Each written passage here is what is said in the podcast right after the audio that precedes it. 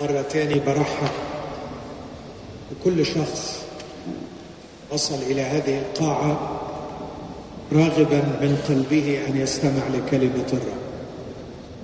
نحن لا نملك شيئا نقدمه إلا أن نشير إلى شخص يسوع المسيح. لا نملك طريقة خلاص. لا نملك حل للمشاكل. لكن نملك اختبار اختبرناه أن شخص الرب يسوع يخلص ويشفي ويبارك كل من يرتبط به أصلي من قلبي أن الرب يكون تكلم إليك من خلال ترانيم ناصف معانا خلال الكلمات اللي كان بيقولها. أو روح الله كلمك بطريقة شخصية؟ وصلي أن الرب يكمل معاك من خلال الكلمة المقدسة اللي هنقراها مع بعض. أنا على قلبي أقف وقفة عند بطرس الرسول. والمراحل اللي مر بيها في اختباره مع الله. وأنا متأكد أن كل واحد فينا ليه اختبار مع الله. بعضنا تعمق في هذا الاختبار نما في هذا الاختبار. بعضنا لسه فيمكن لما أستعرض قصة بطرس تلاقي نفسك في القصة دي. تتعلم من ضعفاته وربما الرب يتحدث إليك إنك تغير حاجة من خلال اللي هنتعلمه مع بعض. استأذنكم نقف وإحنا بنسمع كلمة الله. أقرأ من ثلاث أماكن. أقرأ أولا من إنجيل يوحنا الأصحاح الأول.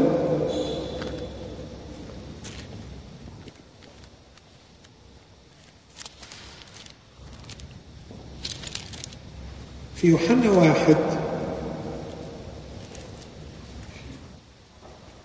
عدد أربعين. يوحنا واحد أربعين. كان أندراوس أخو سمعان بطرس واحدا من الاثنين اللذين سمعا يوحنا وتبعا. هذا وجد اولا أخاه سمعان فقال له قد وجدنا مسيا الذي تفسيره المسيح. فجاء به إلى يسوع فنظر إليه يسوع وقال أنت سمعان بن يونا أنت تدعى صفا الذي تفسيره بطرس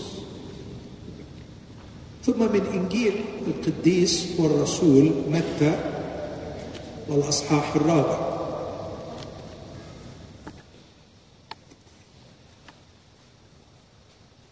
العدد الثامن عشر متى أربعة 18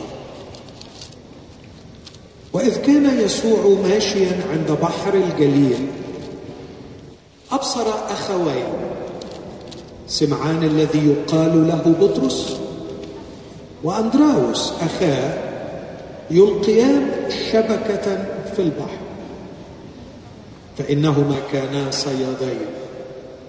فقال لهما هلما ورائي فأجعلكما صيادي الناس. فللوقت ترك الشباك وتبعا. ثم أخيرا من إنجيل لوقا والأصحاح الخامس. وإذ كان الجمع يزدحم عليه ليسمع كلمة الله. كان واقفا عند بحيرة جنيسار. فرأى سفينتين واقفتين عند البحيرة والصيادون قد خرجوا منهما وغسلوا الشباك. فدخل إحدى السفينتين التي كانت لسمعان وسأله أن يبعد قليلا عن البر. ثم جلس وصار يعلم الجموع من السفينة. ولما فرغ من الكلام قال لسمعان ابعد إلى العمق وألقوا شباككم للصيد. فأجاب سمعان وقال له يا معلم قد تعبنا الليل كله ولم نأخذ شيئا ولكن على كلمتك ألقي الشبكة. ولما فعلوا ذلك أمسكوا سمكا كثيرا جدا. فصارت شبكتهم تتخرق. فأشاروا إلى شركائهم الذين في السفينة الأخرى أن يأتوا ويساعدوهم. فأتوا وملأوا السفينتين حتى أخذتا في الغرق. فلما رأى سمعان بطرس ذلك خر عند ركبتي يسوع قائلا أخرج من سفينتي يا رب. أخرج من سفينتي يا رب. لأني رجل خاطئ.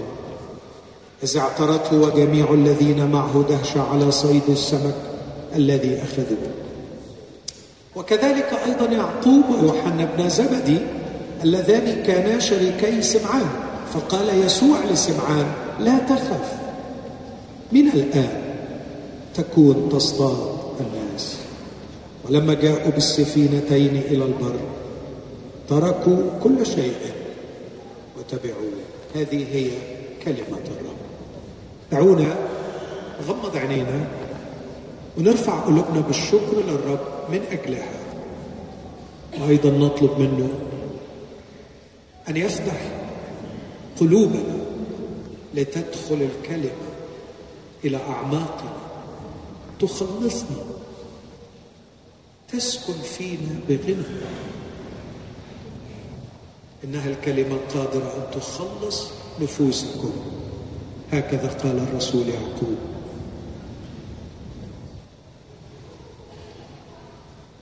رب الحبيب يسوع آتي إليك مع إخوتي. نجلس عند قدميك لنتعلم. لقد أرشدنا روحك أن نتعلم من قصة تلميذك العظيم بطرس. نقترب بكل احترام يا رب. ونحن نتعلم من هذا التلميذ. فافتح أذهاننا وافتح قلبي شخصيا وقلوب إخوتي. كي نتعلم يا رب. فنتغير وننمو في علاقتنا معك. في اسم المسيح يا أبي استجب امين امين تفضل. أنا أحكي لكم حكاية بطرس الرسول. وأنا عارف إن كلنا عارفين الرسول بطرس.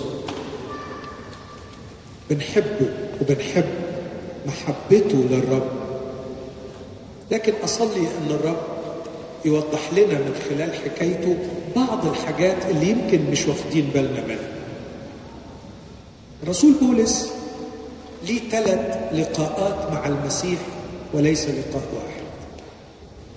اللقاء الأول قرينا عنه في إنجيل يوحنا أصحاح واحد. اللقاء الثاني في إنجيل متى أصحاح أربعة. اللقاء الثالث في إنجيل لوقا أصحاح خمسة. دول ثلاث لقاءات مش لقاء واحد.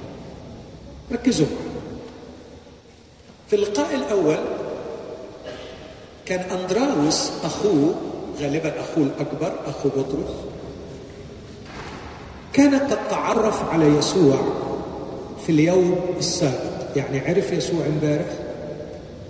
قضى يوم مع يسوع فرح بلقاء يسوع. ما استحملش إنه يحتفظ بالفرحة لنفسه. فالكتاب يقول عنه كلمة جميلة. هذا وجد اولا أخاه سمعان لقي اخوه أول ما لقي سمعان أخوه. قال له سمعان قد وجدنا مسيح. كتاب يقول كلمة حلوة قوي فجاء به إلى يسوع. وأنا الحقيقة ما أحلمش إني أعمل حاجة أعظم من كده. إني أجيء بك إلى يسوع. صدقني ليه بقول ما احلمش أعمل حاجة أعظم من كده؟ لأن مفيش حاجة أعظم من كده. أنا لا أملك شيئا اعمله معه وصدقني لو أملك ما اتاخر بس أعظم شيء ممكن أعمله معاك إن أجيء بك إلى يسوع. وده اللي بحاول أعمله اليومين دول. إن أخليكم تتقابلوا مع بعض. هقول تاني أخليكم تتقابلوا مع إن شاء الله الليلة تتقابل معنا هو موجود هنا؟ إن شاء الله الليلة تقابله. أصلي إنك تقابله. على فكرة هو حلو. وجميل جدا. وطيب جدا. وعظيم جدا. وعارف عنك حاجات أنت ما تعرفهاش عن روحك. وعنده خطة لحياتك أنت مش ممكن تحلم بيها. وعنده استعداد يعمل في حياتك حاجات عمرك ما فكرت فيها. أتمنى إنك تصدقني. ده اللي حصل. اندراوس راح جاب سمعان وقال له إحنا وجدنا مسيا فجاء به إلى يسوع. أول ما يسوع شافه قال اللي أنا كنت بقوله من شوية. طلع عارفه. طلع خبزه وعجنه طلع إنه كان مستنيه. لكن فجأة مفاجأة جميلة. ما شافه قال له أنت سمعان ابن يونا أنت تدعى صفا الذي تفسيره بطرس أول ما شافه راح مغير اسمه إيه ده؟ ده إيه اللي ناوي عليه؟ ده أول ما تقابلني تغير لي اسمي أنت ليك سلطان رهيب كده وإيه اللي تقصده من تغيير اسمي؟ مش معنى اسم بطرس اللي تدهوني ليه بطرس يعني بالذات؟ ليه ما تسمينيش يوحنا ولا تسميني أي اسم يعني؟ مش معنى يعني بطرس؟ هنفهم بعدين. ليه اتبسط بطرس من الاسم الجديد. ما أعرفش اتبسط ولا ما اتبسطش بس يعني أكيد كان بيتساءل اشمعنى سماني بطرس. خد بعضه وروح فرحان. اندراوس يقول له إيه أخبار اللقاء؟ بسطت بيسوع بصراحة عجبني قوي جميل قوي تعليمه حلو شخص جميل بس أنا ما أعرفش ليه هو غير اسمي. مش عارف لي هو غير اسمك يا اندراوس قال لا ما غيرليش. اشمعنى أنا؟ ليه غير لي اسمي؟ وفضل معاه السؤال ده. فرحان إنه تقابل مع يسوع بس الحقيقة الظروف لها أحكام. فرجع الراجل علشان اشتغل شوف أكل عيشه. فبعد فترة ما أعتقدش إنها فترة طويلة يمكن أسابيع كان يسوع ماشيا عند بحر الجليل وهنا تيجي قصة إنجيل متى فوجد سمعان وأندراوس يلقيان شبكه راح رايح عندهم وقال لهم هلم؟ ورائي. فسأجعلكم صيادين الناس. فتركوا الشباك وتبعوا يسوع. ما استغربش ما استبعدش. بطرس بيقول لاندراوس إحنا رايحين فين؟ رايحين وراه رايحين وراه نعمل إيه؟ قال له هو قال تعالوا ورايا أنا هخليكم صيادين الناس. يعني إيه اندراوس نصطاد الناس يعني؟ إزاي يعني؟ قال له صدقني ما فاهم. ادينا إحنا ماشيين وراه بس هو شكله كده معلم عظيم وله سلطان وإحنا وثقنا فيه وحبنا. خلينا نمشي وراه. لكن مرت عدة أسابيع وبطرس مش فاهم يعني إيه يغير لي اسمي؟ ومش فاهم يعني إيه يخليني صياد الناس. فرجع تاني يصطاد بس اليوم اللي نقابله فيه لقى خمسة كانت قصة مختلفة ومؤلمة. غالبا كانوا محتاجين قوي لقرشين فطلعوا بالليل علشان اصطادوا ودخلوا بحر الجليل وطول الليل يرموا الشباك طول الليل يرموا الشباك ومش بعيد كان أحيانا يضطر ينزل يخبط للسمك يقولوا كده أحيانا فتعرض لمعاناة شديدة. لكن كانت ليلة بعيدة عنك من الليالي اللي يمكن بعضنا جربها في فترة حياته لما تبقى مقفلة من كل ناحية. حد جرب التكفيلة دي؟ مقفلة قوي مقفلة على الآخر. طول الليل لم يمسكوا شيء. قال له تعبنا الليل كله ولم نمسك شيء لكن يسوع كان معدي على الصبح ليهم بيغسلوا الشباك هم بيغسلوا الشباك يعني عملوا إيه؟ ها؟ خلاص قفلوا هنعمل إيه؟ مفيش فايدة إذا ما كناش عرفنا نصطاد بالليل مستحيل هنعرف نصطاد في النهار ودول صيادين محترفين فبيغسلوا يعني بيقفلوا المحل خلاص واخدين بعضيهم وماشيين بقلب مكسور بخاطر مكسور راجعين خايبين لأنه ما عرفناش نصطاد أي شيء. لكن في الوقت ده كان يسوع معدي. اقترب منهم وراح داخل المركب وطلب من بطرس أن يبعد قليلا عن البر. ليه؟ ارجوك تتخيل معايا المنظر. البحيرة دي قرينا في إنجيل لوقا اصحاح خمسة اسمها بحيرة جني سارد. كلمة جني سارد هي قيثارة لأن فعلا شكل البحيرة عامل زي القيثارة فهي عبارة عن دائرة بس غير مكتملة ويطلع منها يعني قناة طويلة فهي فعلا منظرها من فوق عامل زي القيثارة. لكن على شاطئ البحيرة جبل عالي جبل. فالناس قعدت على الجبل ويسوع بعد قليلا عن البر علشان يكون في مرمى بصر الناس اللي قاعدة فبيعمل زي استاد أو عامل زي مدرج طبيعي. فلما بعد قليلا عن البر بعد علشان الناس تقدر تشوف. لكن حاجة أكتر استغل ظاهرة صوتية معروفة. لما تتكلم في مكان عميق تحت وحواليك جبال تقدر تستعمل ظاهرة صدى الصوت لأنه ما كانش فيه ميكروفون. فالجمع كله اتلم ويسوع بعد قليلا عن البر بقي شايف كل الجموع والجموع كلها شايفاه وابتدأ يعلم الجموع من السفينه وبطرس قاعد. احتمال كان بينام. لأنه طول الليل كان تعبان. واحتمال إنه كان منبهر بتعليم يسوع فما قدرش ينام. لكن أكيد حتى لو ما كانش نام كان قاعد يصارع في المركب إنه ما ينامش. لأنه الراجل طول الليل مهدود. طول الليل بيعمل إيه؟ بيشتغل. وجه يسوع قعد في المركب وقعد يوعظ وعلى فكرة يسوع كانت وعظاته طويلة. فيعني مش بعيد ابدا إنه كان نفسه ينام بس حاول ان هو ما ينامش. واحتمال تاني ما أعرفش الله أعلم إنه كان معجب قوي بوعظ يسوع ف خلص الرب يسوع الوعظه وراح بص لبطرس وقال له ابعد إلى العمق والقوا شباككم للصيد بطرس سمع الكلمة دي. بتهيألي كده يعني تنهد تنهيده عميقة. وقال لك أهو ابتدى يدخل في اللي ملوش فيه. بس طبعا مكسوف يقول له كده.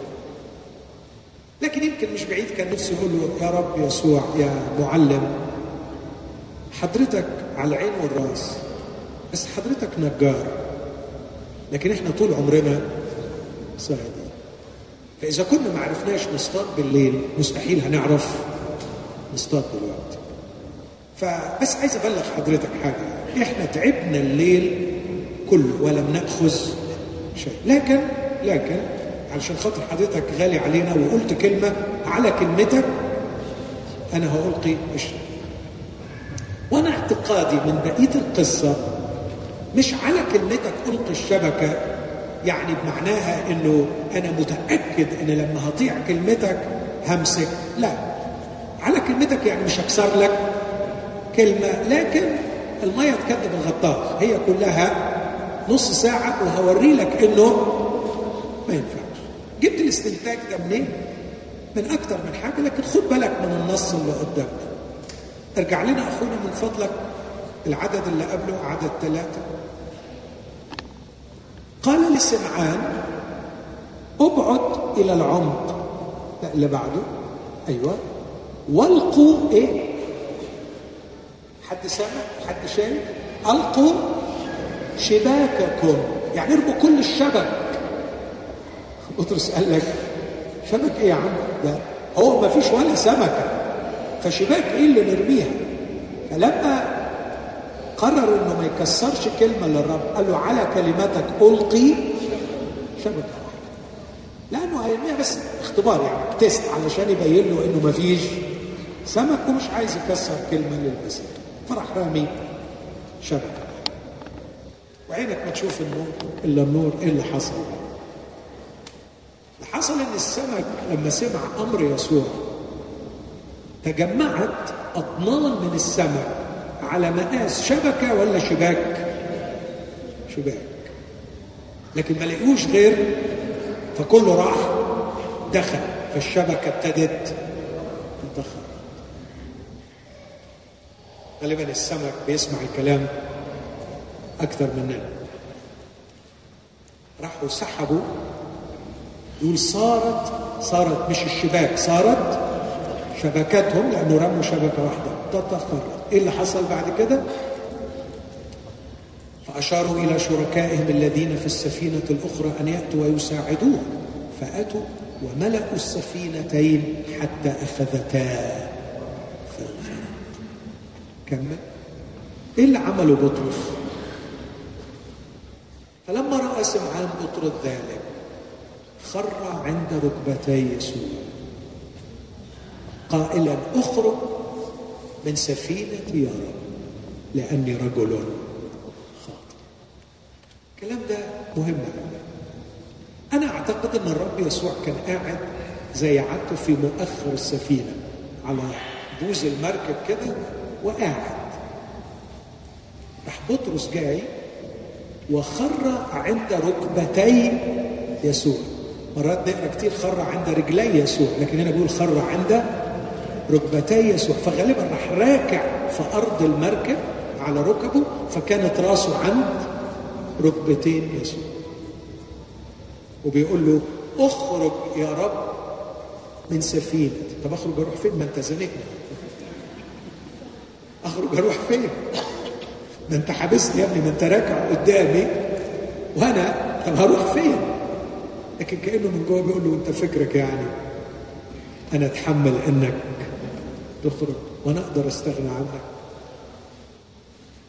أنا خجلان منك بس ما أقدرش استغنى عنك.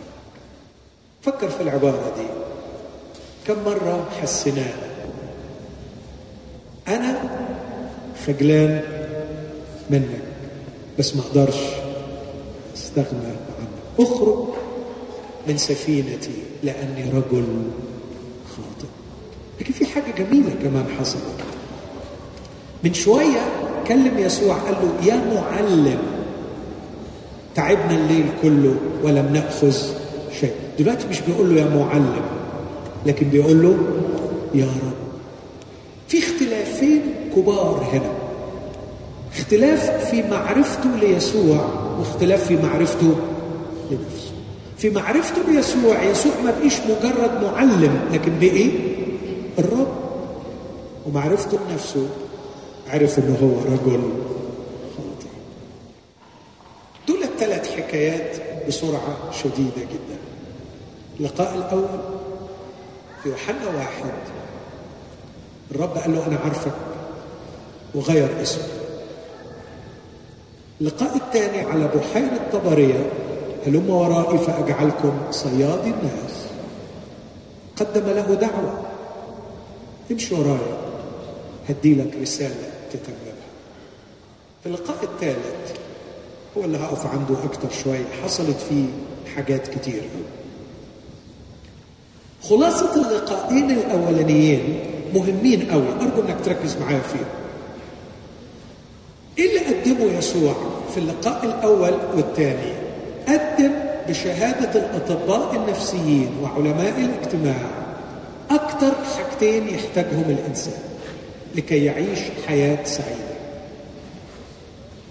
يحتاج الإنسان إلى هوية واضحة وإرسالية واضحة. يحتاج يعرف هو مين ويحتاج يعرف هو في الدنيا ليه. أنا مين وأنا في الدنيا ليه. أنا عايز أعرف. أنا مين؟ كلمة أنا مين دي يمكن ما بتقولهاش لنفسك سؤال مباشر. أنا مين؟ لكن أنت بتدور عليها وبتحاول تلاقي إجابة. وغالبا هيكون إجابتك حاجة مرتبطة بالقيمة. فالحاجة اللي بتلاقي فيها قيمة هي دي اللي أنت بتعرف نفسك بيها. الحاجة اللي بتخجل منها بتحاول تتبرى منها صح؟ صح ولا مش صح؟ الحاجة اللي بتخجل منها بتحاول تتبرى منها. لكن الحاجة اللي بتفتخر بيها وتلاقي فيها قيمة هي اللي بتحاول تعرف نفسك بيها. ومفيش واحد فيكم إلا ونفسه يكون ليه قيمة يعرف نفسه بيها في البعض بيعرف نفسه بممتلكاته. في البعض بيعرف نفسه بعلاقاته. في البعض بيعرف نفسه بعيلته. في البعض بيعرف نفسه بخدمته. في البعض بيعرف نفسه بشهادته. ما فيش بني آدم على وجه الأرض إلا ومحتاج حاجة يستخبى فيها علشان من خلالها يشعر بالقيمة يكون بلا قيمة. والرب مقدر الموضوع ده. والرب حاسس بيك والرب بيقول لك من حقك تكون حاسس إن ليك قيمة. ومن حقك تلاقي حاجة كريمة شريفة تعرف نفسك بيها. بس عايزك تخلي بالك إن في حاجات كتير قوي الناس اوهمتك إنها ليها قيمة وأنت بتاخدها علشان تعرف نفسك بيها وفي الآخر بتطلع الحاجات دي فعلا ملهاش قيمة. حد فاهمني في اللي أنا بقوله ده؟ ولا مش مش مفهوم؟ يعني لو القيمة في الممتلكات. بيجي يوم بتضيع الممتلكات؟ لا بلاش تضيع. ربنا ما يسمحش إنها تضيع. بس عايز أقول لك حاجة. الناس اللي لقيت قيمتها في الممتلكات بيعيشوا حياة مرة لأنه دايما بيلاقوا حد بيمتلك أكثر منهم فيبقى قيمة اللي بيمتلك أكثر مني أكبر من قيمتي. فأنا لازم أعمل إيه؟ ها؟ لأن المسألة بقت مسألة قيمة والقيمة في الامتلاك وهو بيمتلك أكثر مني. القيمة في الإنجازات. في ناس بتلاقي قيمتها في الإنجازات. بس دايما هيلاقي حد بينجز أكتر منه فيحبه. صراع مرير مؤلم. تنافس قاتل. يضيع من الحياة سعادتها. لا مش بيضيع من الحياة سعادتها بيضيع عمرك من غير ما تدرك تفاجأ إنك اتنقلت من العشرين للستين وأنت مش دريان ضاع العمر. ضاع العمر. إثر السراب ضاع كل العمر. إثر السراب وراء. سعي محموم وجري دائم لتحقيق القيمة من خلال شيء من اللي الناس بتقول عليه. يسوع أول ما قابل بطرس راح مغير له اسمه وقال له أنت سمعان ابن يونا أنت تدعى صفا الذي تفسيره بطرس. كلمة بطرس في اللغة اليونانية بتروس بتروس ونفاجأ أحبائي إنه بعد شوية يسوع يتكلم عن نفسه باعتباره الصخرة التي تبنى عليها الكنيسة. بس لما قال في متى 16 بطرس بيقول له أنت هو المسيح ابن الله الحي؟ قال له يا بطرس على هذه الصخرة اللي هو المسيح أبني كنيستي. فالمسيح صخرة. وكلمة صخرة اللي قالها المسيح في متى 16 بترا. فالمسيح بترا. وبطرس بتروس.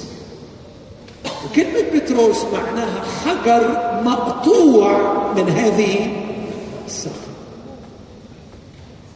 وكأنه في أول لقاء معاه بيقول له القيمة العظمى بتاعتك يا سمعان إنك هتبقى حتة مني.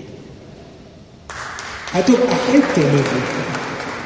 أنت من النهاردة مش هتبقى ابن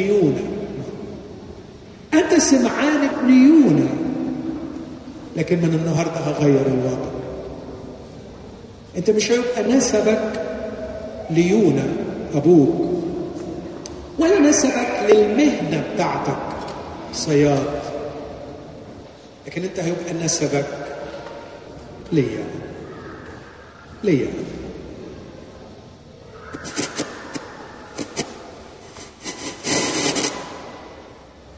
فكر في الحكاية دي. هذا ما يقدم لك الرب يسوع. يقدم لك هوية. يقدم لك قيمة. يقدم لك نسب جديد. عيلة جديدة. انتماء جديد. فخر جديد. رب يسوع بيعرض عليك وبيقول لك أخليك حتة فتبقى أنت أنا بترا وأنت بترس أنا الصخرة وأنت الحجر المقطوع مني. أنا وأنت واحد يا بطرس يمكن حد قاعد يقول يا عمي أنا بس محتاجه يقدم لي الستر. أنا محتاجه يقدم لي الشفاء أنا محتاجه يقدم لي احتياجاتي. رب يسوع بيقدم لك حاجة أرقى وأسمى بيقدم لك شيء أنت صرعت علشانه كتير وتعبان بسببه كتير. عايز يقدم لك قيمة إنك تبقى دايما فخور إنك حتة منه. بس غالبا بطرس ما فهمهاش. وسأل اندراوس وما قدرش يفهمها. لكن لو رحت قريت الرسالة الثانية بتاعته عفوا الرسالة الأولى في الأصحاح الثاني تلاقيه بيتكلم عن الموضوع ده وبيقول إن الرب يسوع هو الحجر الكريم وإحنا مبنيين عليه كاحجار حية إحنا منه ومبنيين عليه. وقال كلمة غريبة قال هو كريم في عينيكم وأنتم الذين تؤمنون لكم الكرامة. فالكرامة ليسوع وأنا باعتباري حتة منه فأنا صارت لي الكرامة. وجدت الكرامة في ارتباطي بهذا الشخص. ما أدركهاش ساعتها لكن أدركها. بعدين الأمر الثاني اللي بيقولوه علماء الاجتماع أن الإنسان مش بس محتاج هوية لكن محتاج إرسالية. محتاج حاجة يعملها في الدنيا. محتاج حاجة عدلة يعملها. إيه حاجة عدلة يعني إيه حاجة عدلة وظيفة كويسة. ياما ناس عملت وعملت وعملت. لكن لسه الفشل الأخلاقي والدمار النفسي والخراب العائلي. لكن في شيء سامي الرب دعينا نعمله. الرب قال له يا بطرس أنا مش هخليك صياد سمك لكن اخليك صياد أنا عندي مشروع كبير يا بطرس. أنا ببني ملكوت الله يا بطرس. أنا هجيب ناس من الهلاك من العذاب من الجحيم من الضياع وأخليهم يدخلوا ملكوت الله. وعايزك تشترك معايا في المشروع وعايز أقول لك على حاجة مهمة. هيجي يوم كل ملكوت بناه الناس هينهار. ولن يبقى على الأرض وفي السماء إلا ملكوت الله. ويا بختك لو كنت شريك في بناء ملكوت فاهميني في النقطة دي يا أحبائي. فاهمين النقطة دي. كل ملكوت بناه الناس سوف ينهار. لكن لن يبقى إلا بناء واحد. عندما تنهار كل الأبنية عندما ينتهي هذا العالم وتحترق الأرض والمصنوعات التي فيها سيبقى ملكوت الله. وساعتها يا بختك لو كنت حطيت لك قالب في ملكوت الله. أتذكر زمان وإحنا طلبة في كلية الطب كان ليا صديق ابوه مهندس وكان هو اللي صمم نافورة كده في ميدان الشلالات في اسكندرية. فكانت النافورة شكلها بشع فكنت دايما اغيظه أقول له برضه دي دي نافورة يعملها أبوك ده منظر برضه دايما اغيظه بيها. فالواد راح سأل أبوه قال له بابا صاحبي بيعايرني بيقول لي دي نافورة فقال له على سر قال له يا ابني لما رصدوا لي الميزانية وصدر القرار إنه أعملها في نفس الوقت كان صادر القرار بهدها وإنهم يعملوا واحدة تاني ويعملوا حاجة تاني. بس لأن الفلوس طلعت ده شغل مصر بالظبط. فكان لازم نبنيها وبعد نبنيها نهدها عشان نعمل حاجة ثانية فأنا كنت ببني حاجة عارف إنها هتتهد فكنت بعملها من غير نفس إن شاء الله الرب يسد نفسك النهارده. عن كل حاجة هيجرى لها؟ ها؟ هتتهد ما تضيعش وقتك. وكل عمرك في حاجة هتتهد لكن خليك ذكي واستثمر في الأمور الباقية. اشتغل وكافح وجاهد. بس خلي بالك إن كل ما على الأرض سوف ينتهي وسوف يبقى ملكوت الله الأبدي. الرب أعطى لبطرس هوية يبقى حتة منه. والرب اعطى له إرسالية أن يبني في الملكوت الأبدي.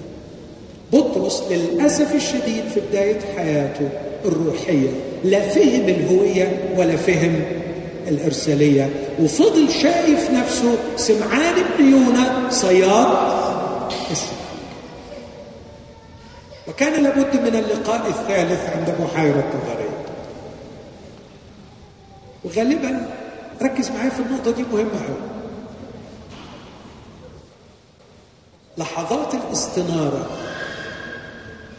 لحظات تصحيح الوضع واتخاذ خطوات جديدة في الحياة تأتي بعد خبرة فشل كبيره أقول تاني العبارة دي. في الأيام الحلوة العادية ما بنراجعش نفسنا. لكن إمتى بنراجع طرقنا ونراجع أمورنا؟ بعد خبرة فشل. منظر مؤلم مليان بالإحباط.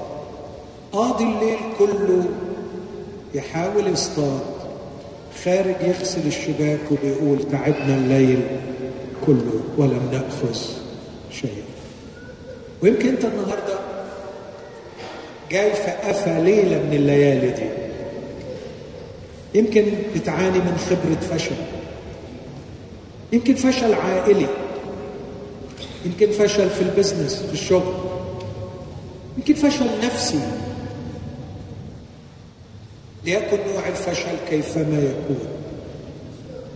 عايز أقول لك إنه أيام الفشل هي أفضل أيام تراجع فيها حياتك وتصحح مسارك. الرب يسوع اتقابل مع بطرس وهو خارج من خبرة فشل من ليلة فشل. اللي اتقابل مع بطرس بعد ليلة فشل مش بعيد يكون موجود بينا دلوقتي وعايز يتقابل معاك. يمكن تكون طالع من ليلة طويلة ليلة فشل. والرب جابك الليلة لأنه عايز يتقابل معاك قول أمين. قول له يا رب أنا جاهز للمقابلة دي. جاهز للمقابلة دي. أنا محتاج أتقابل معك. أنا عندي كلام كتير أحكيه ومش واثق في حد أحكيه. أنا نفسي أتعرض وأكشف أمراضي بس نفسي في حد يحترمني. وما خافش إنه يحتقرني. واكون مطمن إنه هيفهمني. أنا عايز أتقابل معاك يا رب أنا جوازي فشل. شغلي فشل. أو نفسيتي فشلت. أو إيماني فشل. ثقتي فشلت. أنا محتاج علاج خاص. أنا محتاج أتقابل معاك. عايز اطمنك إن يسوع المسيح هو هو امس ما تغيرش.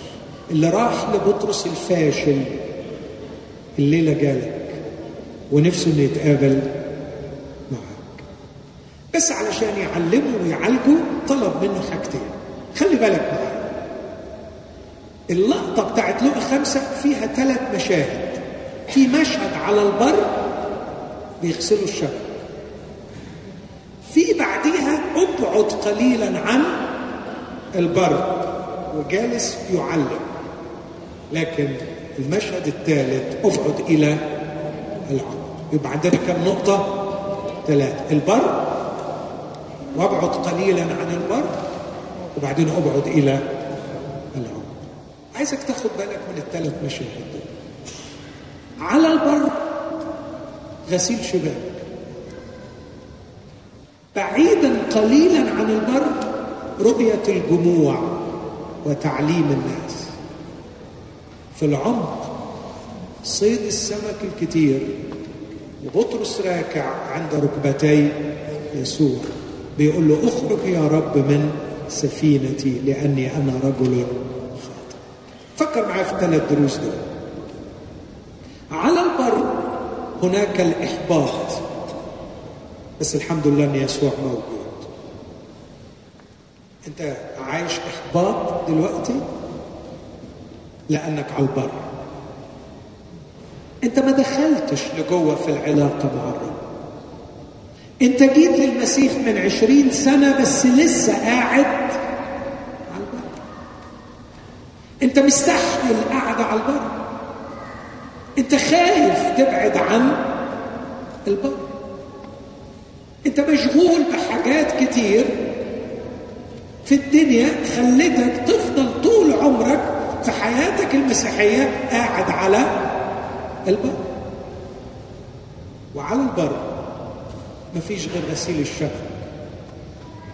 على البر مفيش غير الإحباط الروحي. على البر مفيش غير الفشل. لأنك قاعد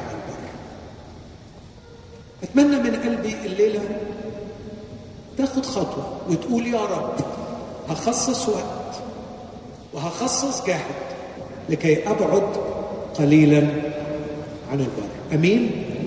أنا مش هفضل طول عمري قاعد على البر. هدخل لجوه شوية. لما بيدخل لجوه شوية إيه اللي بيتغير؟ بيتغير حاجة مهمة قوي إنه بيشوف الناس. بيشوف الناس. أنا ممكن أعمل التجربة دي بس مش عايز أضيع وقت. أي حد قاعد فيكم في نص الناس أكيد حاسس إن في عدد كبير في القاعة. حاسس. بس تخيل لو جيت مكاني هنا هتشوف المنظر أكتر صح؟ ياه كل الناس دي موجودة. طب إيه لو رحت أعلى وأبعد هتشوف أكتر؟ طول ما أنت قاعد على البر اسمعني أرجوك أنت محصور في نفسك ومش حاسس بحد غيرك. وياما مؤمنين عايشين الفشل والإحباط الأخلاقي والروحي والنفسي لأنهم عمرهم ما انفكوا من الدوران حوالين نفسهم. شغلي ومستقبلي وجوازي وعيالي. وعمري ما سمعتهم بيحكوا عن حاجة غير وهم المركز بتاعهم. عمرهم ما فكروا إن في رسالة ناحية الناس. عمرهم ما حسوا إن الناس محتاجة ليهم. يوم الجمعة اللي فاتت مش امبارح الجمعة اللي قبليها كنت بخدم في كنيسة قصر عبارة عن أهمية إن إحنا نروح للناس نخرج ونكلم الناس نروح للسوق ونكلم الناس عن محبة يسوع. بعديها بيومين كان عيد الحب. فالشباب عملوا حاجة عبقرية جدا. كل ما بشوف صورها قلبي بيفيد بالفرح. جابوا أتوبيس من اللي هو دورين ومكشوف من فوق لونه أحمر وغطوه كله بستيكرز مكتوب عليها في عيد الحب افتكر حاجة واحدة إن الله بيحبك. بعدين كتبوا على الأتوبيس الذي يغفر جميع ذنوبك الذي يشفي كل امراض الذي يفدي من الحفرة حياتك الذي يكللك بالرحمة والرأفة فيجدد كالنسر. شباب كاتبين الأتوبيس كله آيات من النوع ده. حطوا سبيكرز عالية وابتدى الأتوبيس ده يلف في كل شوارع القاهرة. يذيع ترنيمة ما تعولش الهم شافش ربنا موجود. أقدر أقول له أبويا وأقدر أقول له حبيبي. وابتدأت الترانيم في شوارع القاهرة وينزلوا من الأتوبيس في محطات مختلفة يوزعوا هدايا على الناس. كانت الناس بتترمي في حضنهم وتبكي. من كل الأشكال والأعمار والألوان وجدوا أخيرا شخص يبلغهم رسالة محبة. لقد رأوا الجموع.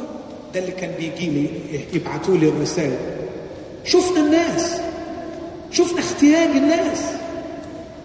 رأينا قد إيه الناس في شديد الاحتياج لمحبتنا لرسالتنا. لكن في مؤمنين كتير عاشوا وماتوا من غير ما يخرجوا من دايرة مركزها مبسوط ما يعرفوش احتياج الناس. رب يسوع قصد يوري بطرس إنه أبعد قليلا على البر اتفرج شوف قد إيه حواليك ناس محتاجة إليك. وتحرر بالك شوية من العيشة لأجل. فكر شوية إن في ناس محتاجة حواليك.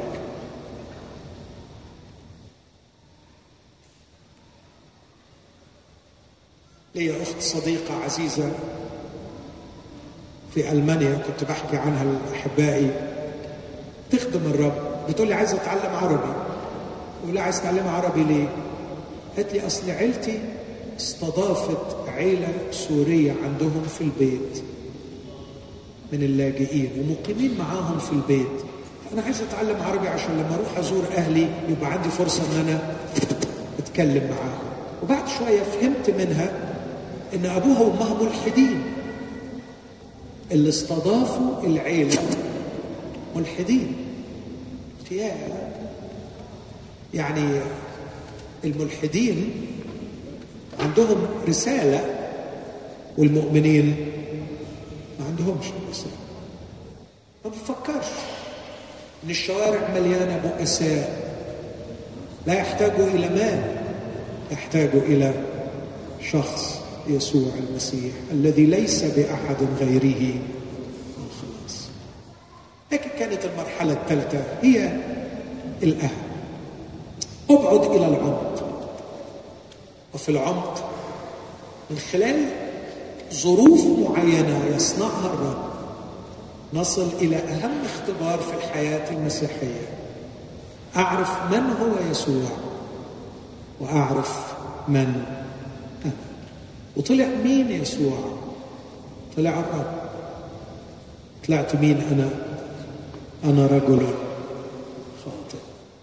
لكن كمان اكتشفت الاكتشاف العظيم إني خجلان منه لكن بحبه وما أقدرش أستغنى عنه. راكع عند ركبتي يسوع اخرج يا رب من سفينتي لأني رجل خاطئ. مش قادر اطلاقا أتحمل نور محضرك لكن ما أقدرش اطلاقا أبعد عنك. شوف لك حل فيا. غيرني. اغفر لي اشفيني. عالجني محتاج أعرفك أكتر. واعرف نفسي أكتر. وأتبعك أكتر. وأتمم إرساليتي في الحياة أكتر. خدتوا بالكم من رد يسوع كان إيه؟ قال له لا تخف. خافش يا بطرس. النتيجة إكسار نجحت. هو ده اللي أنا كنت عايز أسمعه منك. بصوا العبارة اللي بعديها. يقول له كلمة جميلة قوي. يقول له من الآن تكون تصطاد الناس. في اختلاف عن العبارة اللي اتقالت قبل كده؟ آه. قبل كده قال له هلم ورائي سأجعلكم صيادين الناس. لكن هنا بيقول له إيه؟ يعني اليوم اللي قال فيه أنا راجل خاطي هو ده اليوم اللي قال له جه نفعا من الآن تكون تصطاد الناس. عندما خرجوا آخر عبارة في الجزء ده تركوا كل شيء وتبعوا. أنا الحقيقة في حالة ذهول من الحكاية دي لأن هو كان طول الليل تعبان مش عارف يمسك سمك. ربنا اداله مركبين مليانين سمك. لما امتلكهم راح عمل إيه فيهم إيه ده القلب شبع والقيمة بتيجي من حاجة تانية. والإرسالية وضحت ومن بعديها. ما نقراش ان بطرس ابتعد من وراء الرب. وكان يلاصق الرب. وصار التلميذ المقرب لقلب الرب. ألخص يا أحبائي ما وددت أن أقوله.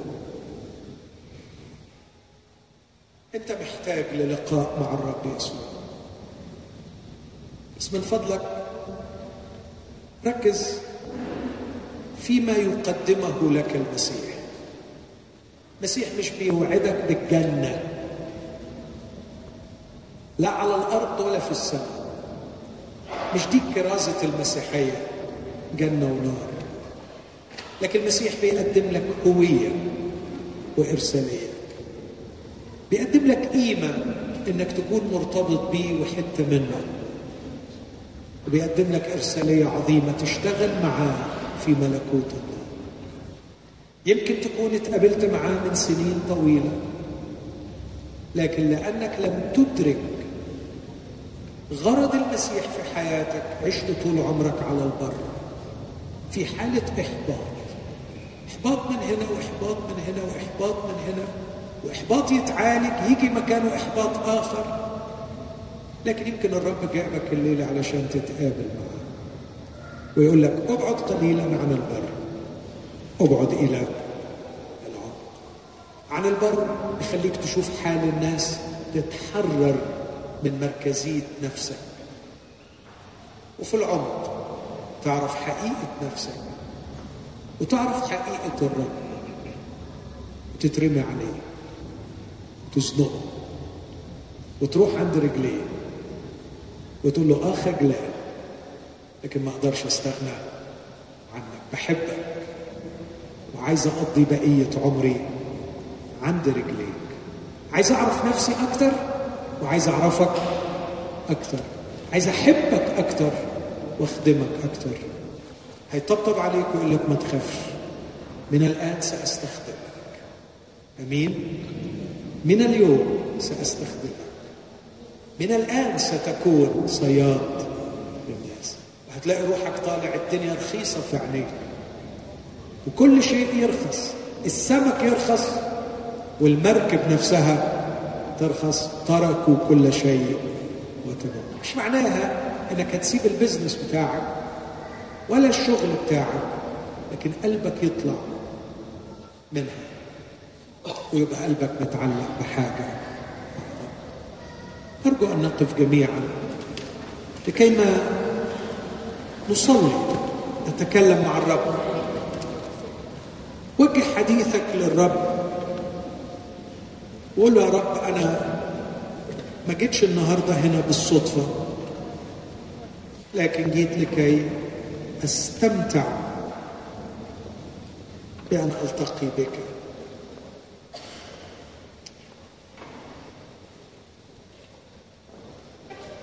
أنا رجل خاطئ. أخرج يا رب من سفينتي لأني رجل خاطئ. خجلان منك لكني ما أقدرش أستغنى عنك. محتاجك يا رب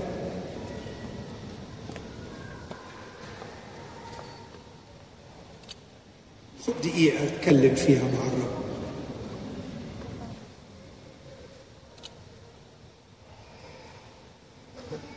أو أترك الرب يكلمك. أي عبارة يمكن سمعتها في الوعظة ممكن روح الله يستعملها. يشفيك بيها. قولي للرب أنا محبطة أنا غسلت الشبك. حاسة إنه مفيش أمل. لكن أنا يا رب فرحانة إني اتقابلت معاك النهاردة. خد بإيدي وعلمني ماذا تريد مني أن أفعل. إذا كان ده أول لقاء ليك بالرب قل له رب يسوع اغفر خطاياي وخلصني وكن معي واصحبني لأني محتاج إليك. حبيبنا يسوع ليس بأحد غيره الخلاص. قل له أنا محتاج لك. أنا محتاج لك. أنا محتاج لك يا رب. ما تسيبنيش. تأكد إنه هيلتصق بيك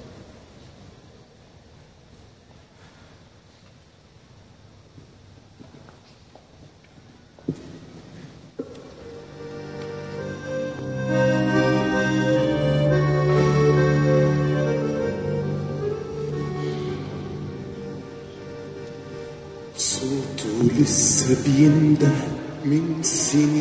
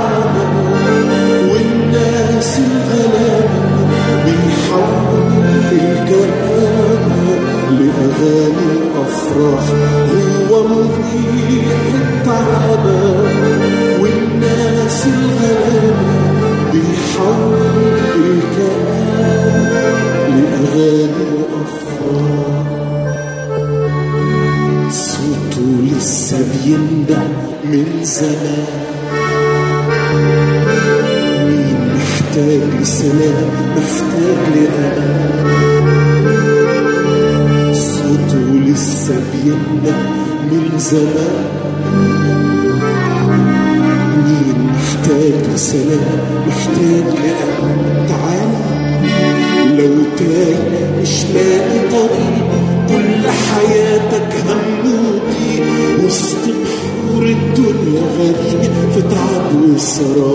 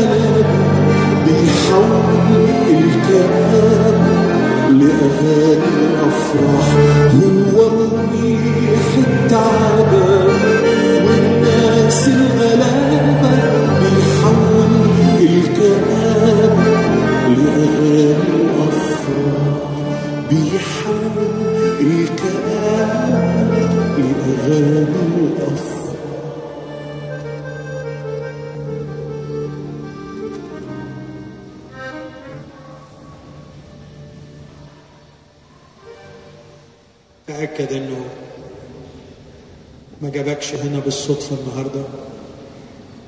تأكد إنه عايز يغير الوضع اللي أنت فيه. يسوع إذا مد يده على المريض بيشفي. إذا مد يده على النعش الميت بيحيا. يسوع حول الماء إلى خمر. يسوع يستطيع كل شيء. يسوع يستطيع أن يدخل إلى حياتك ويحولك إلى شخص آخر. يعطي جمالا عوضا عن الرماد. يعطي رداء تسبيح عوضا عن الروح. اليائسه يسوع تخصصه مش أمراض نفسية ولا عصبية. يسوع تخصصه قلوب مكسورة. قال روح الرب علي مسحني لأشفي المنكسر القلوب لو قلبك مكسور بسبب خطاياك يا بختك. لو قلبك مكسور بسبب فشلك يا بختك أنت في حضرة يسوع دلوقتي. قل له يا رب اغفر اشفي ابني قومني من اللي أنا فيه يا رب. طلعني من نعشي أو طلعني من قبري. اخرجني من اللي أنا فيه. أنا محتاج لك يا يسوع محتاج لك. أنا محتاج لمسة روحك تغيرني امين أنا محتاج يسوع يطهرني. أنا محتاج لمسة روحك تغيرني. أنا محتاج يسوع دمك يطهرني. وأنا لما أجي وأشوفك وأشوف الساعة على كفوفك هتفك الأسر وحقك هيحرك هجيلك يا رب وأنا لما أجي وأشوفك وأشوف الساعة على كفوفك هتفك الأسر وحقك هيحرك جاي ضعيف أنا جاي ضعيف قويني أنا جاي حزين عزيني أنا جاي واشفيني المسني بسلطانك وريني مجد جلالك أغمر قلبي بحنانك وارويني أنا جاي ضعيف أنا جاي ضعيف قويني أنا جاي حزين عزيني أنا جاي لك خاطب رقني واشفيني المسني بسلطانك وريني مجد جلالك اغمر قلبي بحنانه والريح